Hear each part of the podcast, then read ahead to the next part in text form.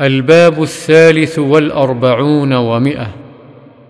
باب استحباب المصافحة عند اللقاء وبشاشة الوجه وتقبيل يد الرجل الصالح وتقبيل ولده شفقة ومعانقة القادم من سفر وكراهية الانحناء.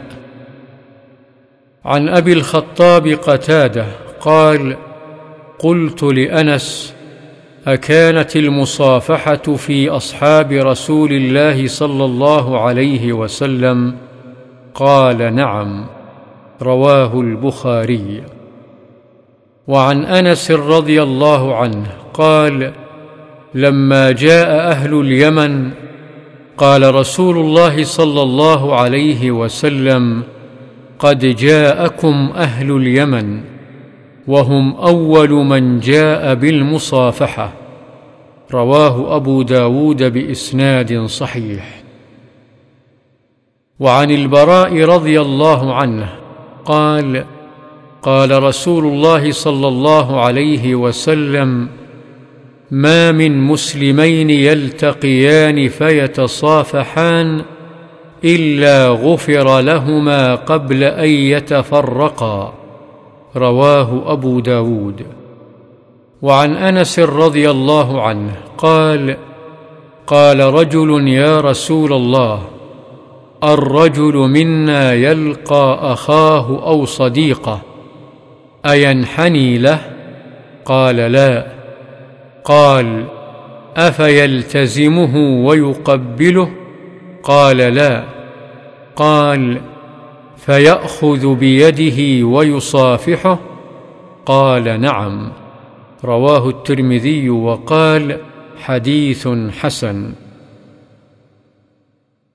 وعن صفوان بن عسال رضي الله عنه قال قال يهودي لصاحبه اذهب بنا إلى هذا النبي.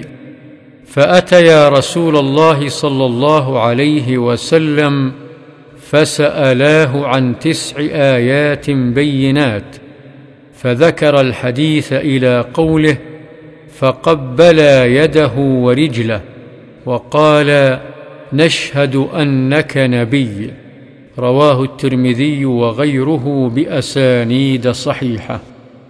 قال الألباني إن في الإسناد عبد الله بن سلمة بكسر اللام وهو المرادي وهو مختلف فيه.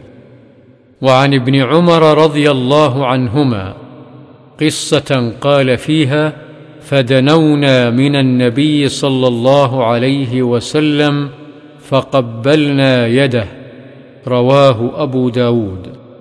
قال الألباني في إسناده يزيد بن أبي زياد الهاشمي قال الحافظ ضعيف كبر فتغير وصار يتلقن.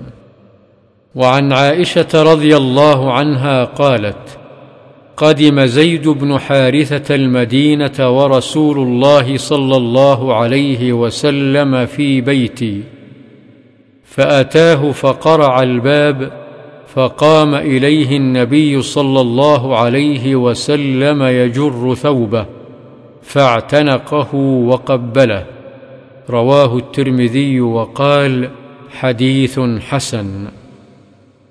قال الألباني فيه عنعنه محمد بن إسحاق وهو مدلس مشهور به. وعن أبي ذر رضي الله عنه قال قال لي رسول الله صلى الله عليه وسلم لا تحقرن من المعروف شيئا. ولو أن تلقى أخاك بوجه طلق. رواه مسلم. وعن أبي هريرة رضي الله عنه قال قبل النبي صلى الله عليه وسلم الحسن بن علي رضي الله عنهما فقال الأقرع بن حابس إن لي عشرة من الولد ما قبلت منهم أحدا.